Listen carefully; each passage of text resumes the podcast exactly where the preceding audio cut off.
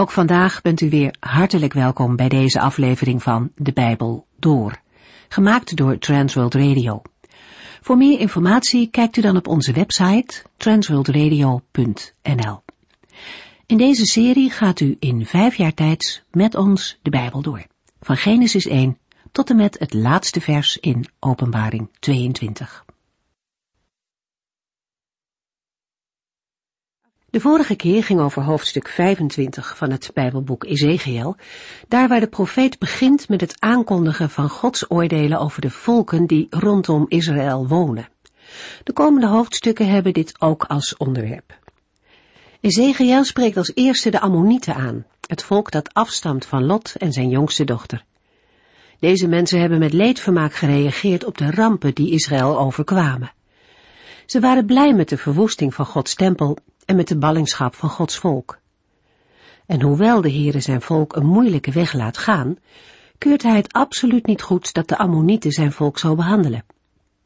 Mededogen en ontferming, dat zijn eigenschappen van de Heere zelf, maar hij wil ook graag dat mensen op die manier met elkaar omgaan. Na de Ammonieten zijn de Moabieten aan de beurt, een broedervolk voortgekomen uit Lot en zijn oudste dochter. De Moabieten zeiden dat Juda in niets verschilde van andere volken. Zij zouden zich net zo min kunnen handhaven tegenover Babel.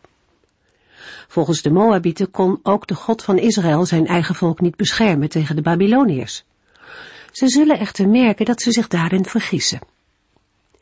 Edom is de volgende in de rij oordeelsprofetieën.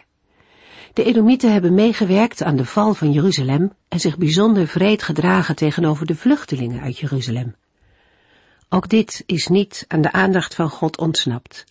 Hij zal rechtvaardig oordelen over het onrecht dat mensen elkaar hebben aangedaan. Na een korte profetie tegen de Filistijnen begint hoofdstuk 26 met de profetie tegen Tyrus. Ezekiel gaat hier uitvoeriger op in en daar lezen we vandaag verder over in hoofdstuk 27 en 28.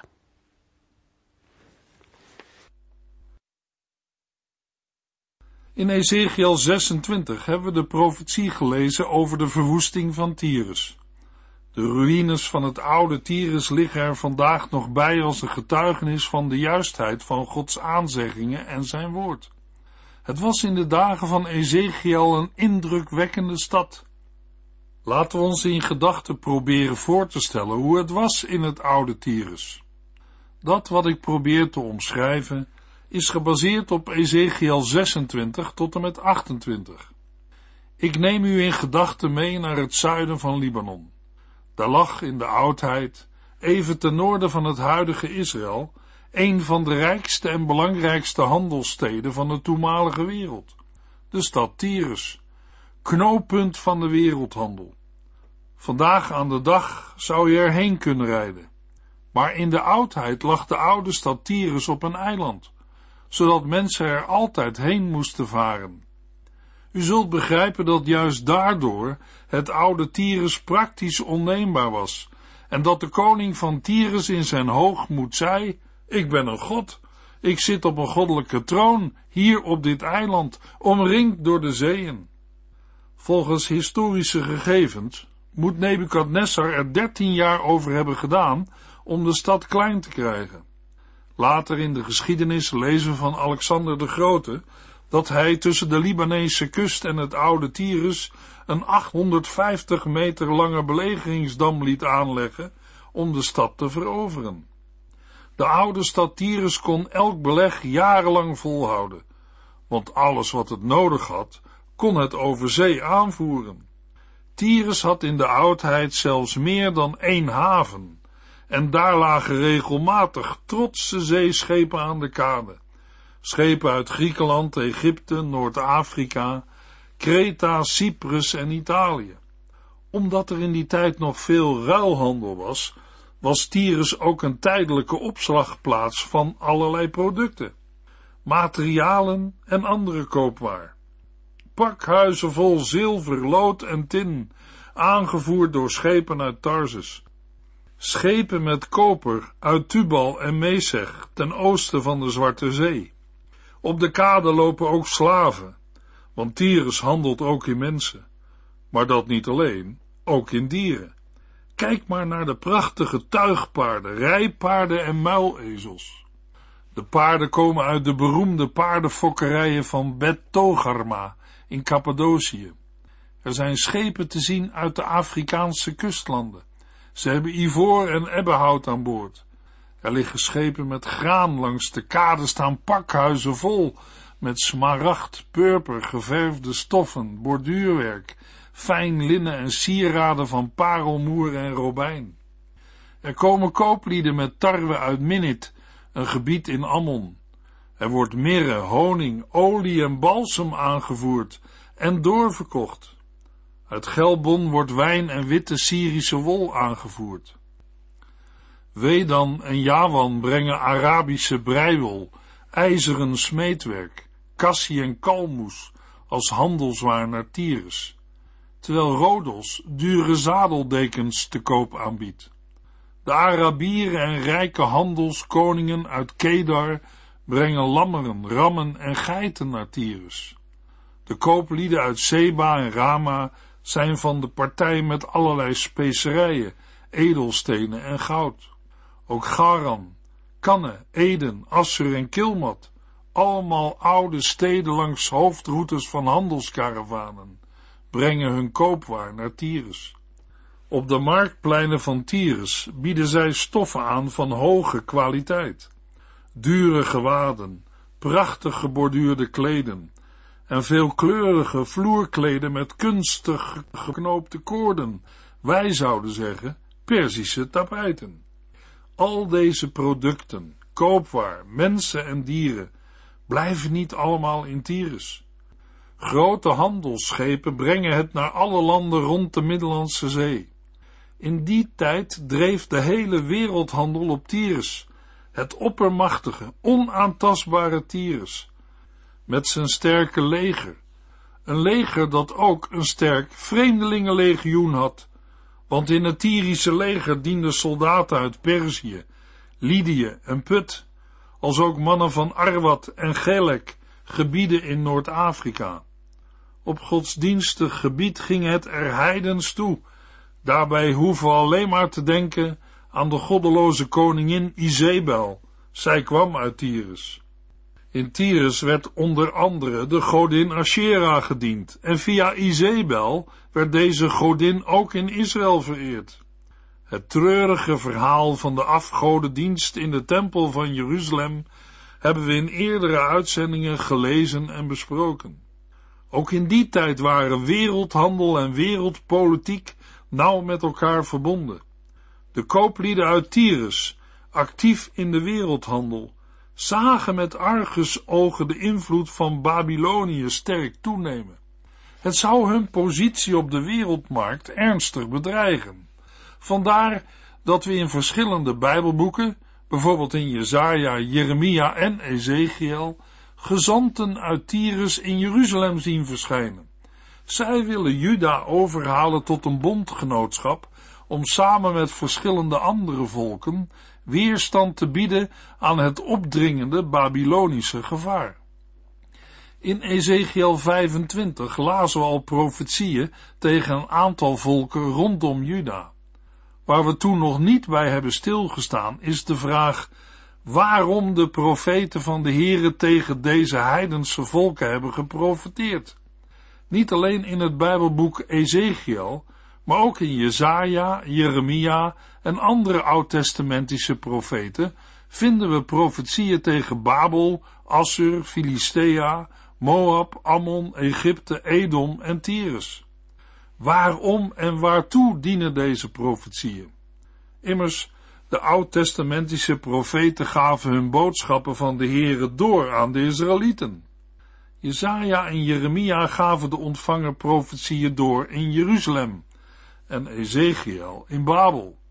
Daar lieten zij de profetieën horen tot lering en vermaning van Israël. Ook door de profetieën over andere volken sprak de Heere zijn eigen volk aan. Maar wat wil de Heere met de profetieën over de andere volken aan zijn eigen volk Israël leren? Het antwoord is dat de bedoeling ervan bij ieder Bijbelboek verschillend is. Bij Jezaja is er een andere bedoeling dan bij Jeremia en Ezekiel. Ook al worden dezelfde volken aangesproken. Bij Jezaja is de strekking. Wat? Wilt u koning van Israël op die volken vertrouwen? Wilt u met hen een bondgenootschap sluiten? Dan verkondigt de Heere dat deze volken zelf ook ten onder zullen gaan. Israël moet voor het voorbestaan niet op andere volken vertrouwen, maar op de Heere. In het Bijbelboek Ezekiel staan de zaken in een heel ander verband. In Ezekiel 1 tot en met 24 was de doorgaande lijn Jeruzalem zal verwoest worden. En wie de catastrofe overleeft, wordt ook weggevoerd naar Babel. Maar de rest van het Bijbelboek Ezekiel gaat van de val van Jeruzalem uit. Toen Ezekiel eindelijk gelijk had gekregen. En Jeruzalem en de tempel door Nebukadnessar was ingenomen en verwoest, heeft de profeet, let wel, in Babel, voor de oren van ballingen uit Juda, ook de ondergang aangekondigd van de in Ezekiel genoemde volken, vooral van de wereldberoemde handelsstad Tyrus. Daarmee vormt Ezekiel 25 tot en met 32 een prachtige overgang naar de laatste hoofdstukken van het Bijbelboek. Ezekiel 33 tot en met 48 zijn 15 hoofdstukken vol troost en die troost komt al langzaam op in de profetieën tegen de andere volken. In Ezekiel 25 en 26 lazen we de profetieën tegen Ammon, Moab, Edom, Filistea en Tyrus. In Ezekiel 27 laat de Heere de profeet een klaaglied zingen over Tyrus. Ezekiel 27 vers 1 tot en met 3. Toen kreeg ik de volgende boodschap van de Heere. Mensenzoon, zing dit klaaglied voor Tyrus. O machtige havenstad, handelscentrum van de wereld.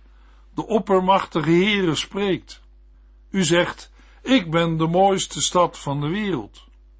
Hoogmoedig en trots maakte Tyrus voor zichzelf aanspraak op de roem en eer die alleen aan Jeruzalem, de stad van de Heere, toekomt. In Ezekiel 27, vers 4 tot en met 24 wordt de glorie en rijkdom beschreven van de machtige havenstad Tyrus, handelscentrum van de wereld.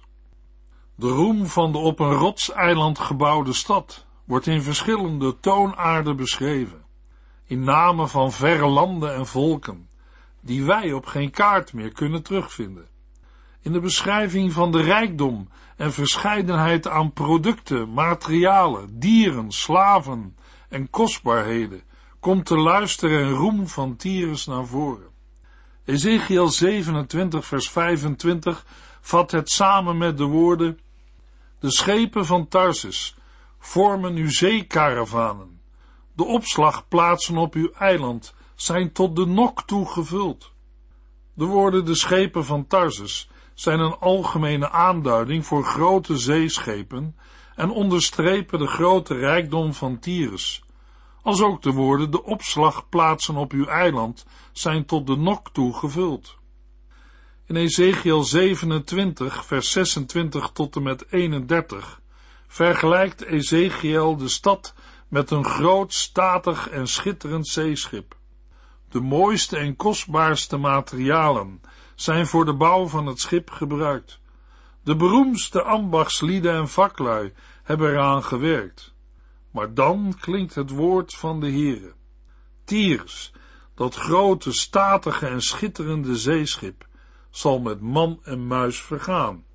Terwijl zij vol geladen met schatten onderweg is en de roeiers het schip midden op zee hebben gebracht, zal een storm uit het oosten het schip doen vergaan.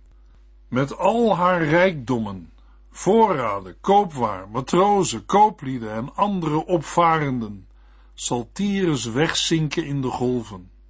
Vanaf het ondergaande schip zal het hartverscheurende gegil klinken van de zeelieden. Iedereen is in diepe rouw en huilt met een gebroken hart om wat Tyrus is overkomen. Ezekiel 27, vers 32 tot en met 36. Dit is het klaaglied dat zij zingen. Welke stad ter wereld kon zich meten met Tyrus, de prachtige stad midden in de zee. Uw koopwaar ging uit over de zee en voorzag in de behoeften van talloze volken. Koningen overal ter wereld, zelfs in de verste uithoeken, waren opgetogen over de rijkdommen die u hun zond. Nu ligt u verwoest onder de golven van de zee.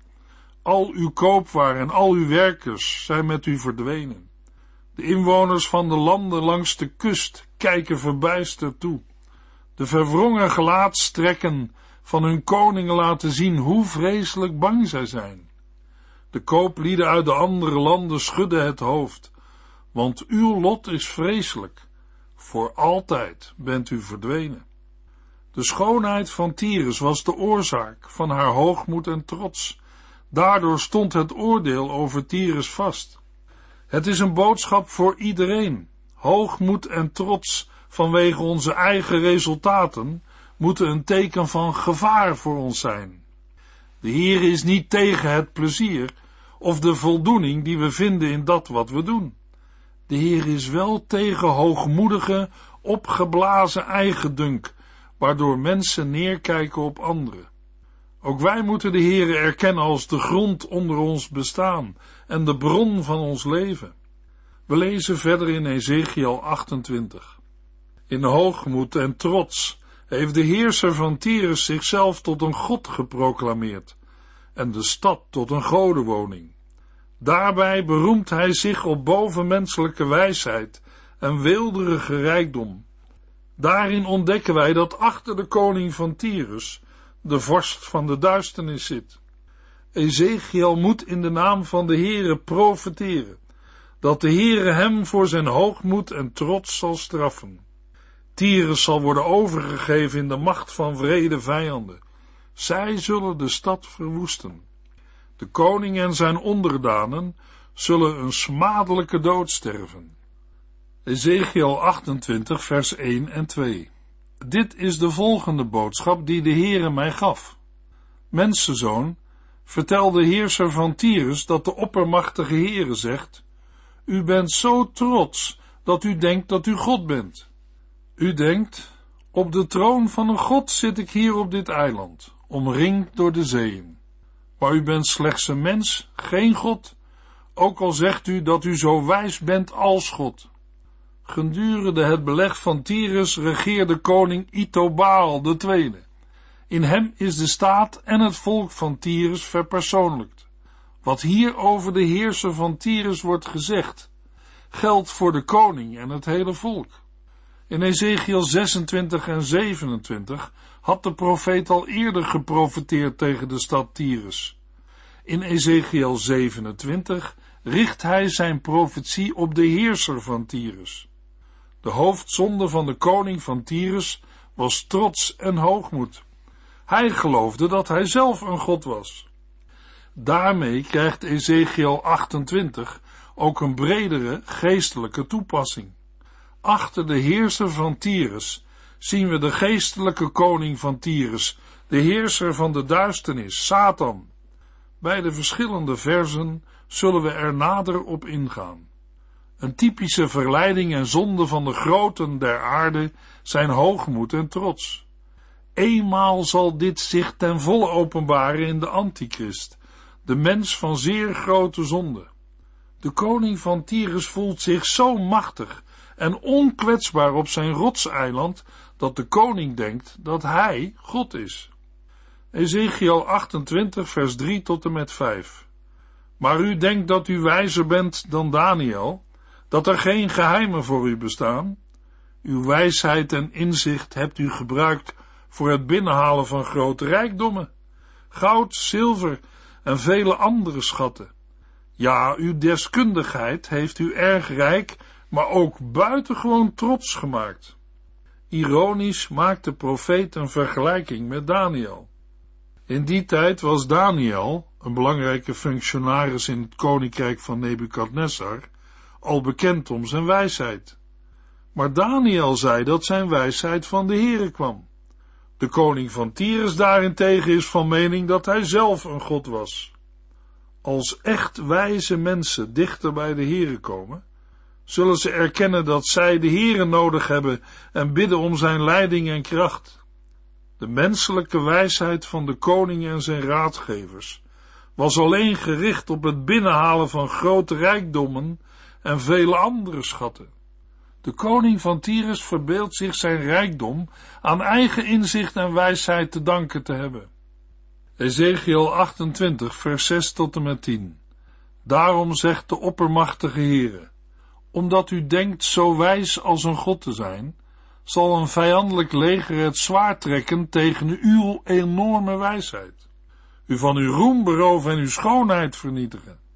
Het zal u naar uw graf brengen, en u zult sterven als iemand die zwaar gewond in de strijd sneuvelt, daar, op uw eiland, midden in de zee. Zult u dan nog in het bijzijn van uw vijanden volhouden dat u een God bent? Voor degenen die u aanvallen, zult u in elk geval geen God zijn, maar gewoon een mens.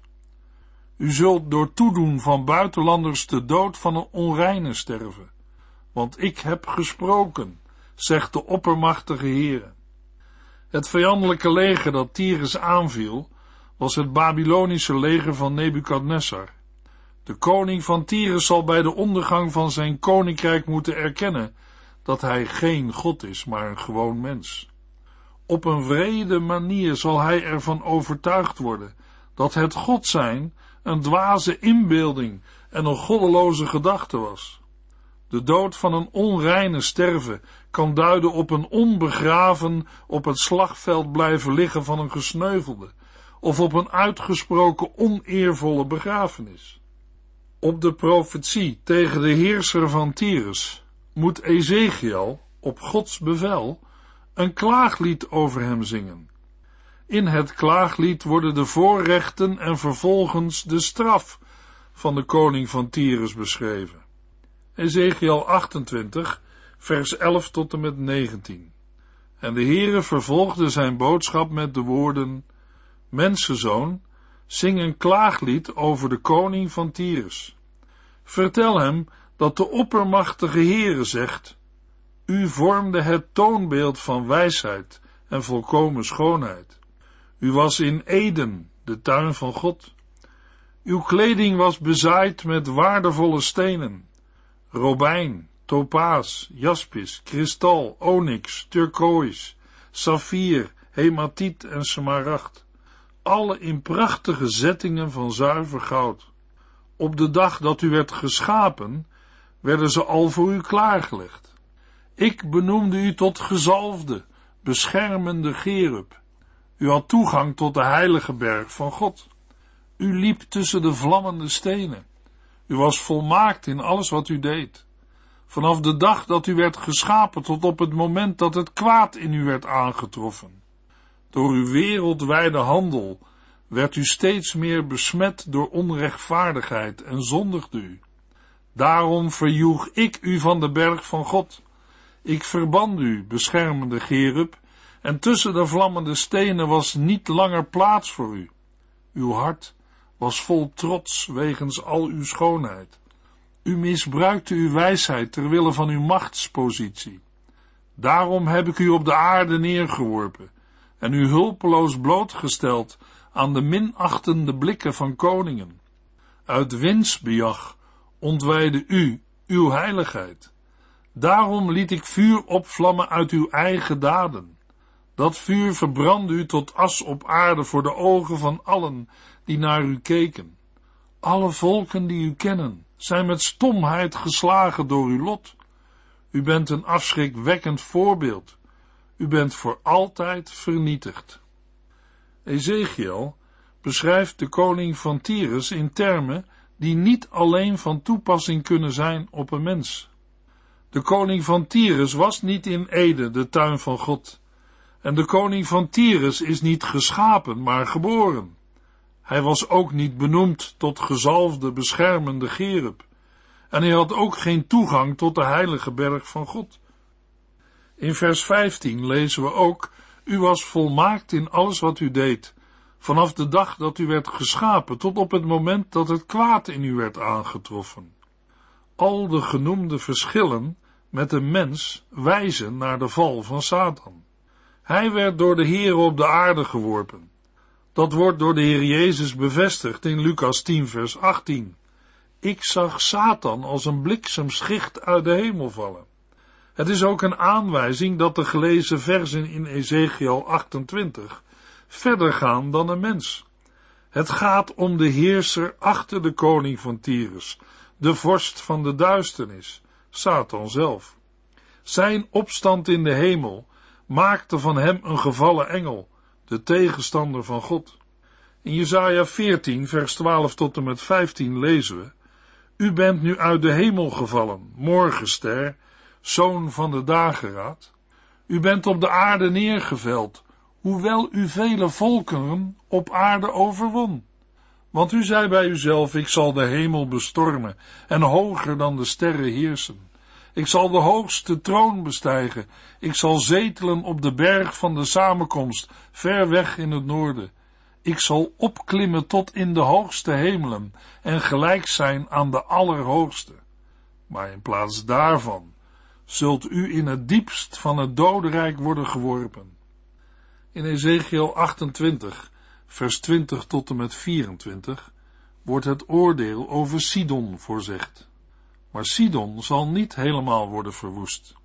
Het is opmerkelijk dat het oude Tyrus werd verwoest en nooit meer op het rotseiland is herbouwd. Maar Sidon, niet ver van Tyrus vandaan, werd ook veroordeeld, maar niet totaal verwoest. De stad bestaat nog steeds. Ezekiel 28, vers 25. De Israëlieten zullen opnieuw in een eigen land wonen. Het land dat ik hun voorvader Jacob gaf. Want ik zal hen verzamelen vanuit de verre landen, waarover ik hen verstrooide. Ik zal de volken van de wereld te midden van mijn volk mijn heiligheid laten zien. De vijanden van Israël gaan te gronden, zonder uitzicht op herstel. Maar Israël mag zich troosten met de belofte dat de Heere zijn overblijfsel zal verzamelen vanuit de hele wereld. Ook de volken van de wereld zullen dan weten dat de Heere trouw blijft aan zijn verbond en woorden.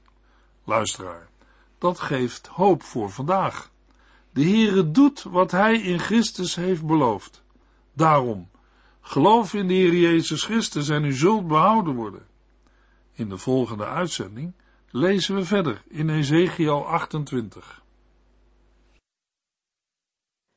U heeft geluisterd naar De Bijbel Door, in het Nederlands vertaald en bewerkt door Transworld Radio. Een programma waarin we in vijf jaar tijd de hele Bijbel doorgaan. Als u wilt reageren op deze uitzending of u heeft vragen, dan kunt u contact met ons opnemen. Tijdens kantooruren kunt u bellen op 0342 47 8432 0342 47 8432. Ook kunt u een e-mail sturen naar de en natuurlijk kunt u ook via de post ons bereiken. TWR, postbus 371, postcode 3770, AJ in Barneveld. Dit programma werd gepresenteerd door Cor Weda en Ike André. Techniek was in handen van Odin van Voerkom. En wij allemaal bedanken u voor het luisteren. Graag tot de volgende keer.